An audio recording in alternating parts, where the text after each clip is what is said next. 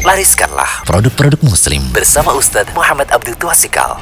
Bolehkah kita menggunakan produk non-muslim? Termasuk jika produk ini ternyata pemiliknya itu orang kafir, dia manfaatkan untuk kegiatan kekafirannya, atau dia manfaatkan untuk kegiatan-kegiatan maksiat seperti saat ini sekarang lagi viral untuk mendukung LGBT. Dasarnya perlu dipahami terlebih dahulu kita bedakan antara kehalalan produk dan kita memperhatikan siapa yang memiliki produk tadi, pemiliknya siapa. Kalau kehalalan produk itu menentukan sah tidaknya transaksi.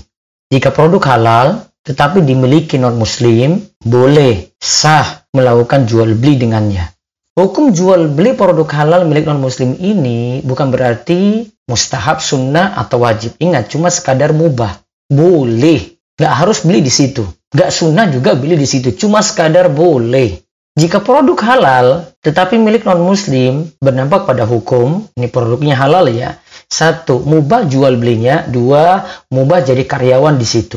Akan tetapi, kita katakan kepada konsumen muslim, jika ada produk semisal milik muslim, berpihaklah dan dukunglah ekonomi muslim.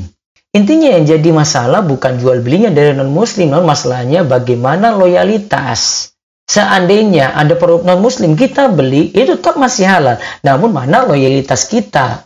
Jadi saran kami ingat kaidah kita bisa utamakan produk muslim ini satu dahulukan cari dan beli produk milik muslim di warung milik muslim.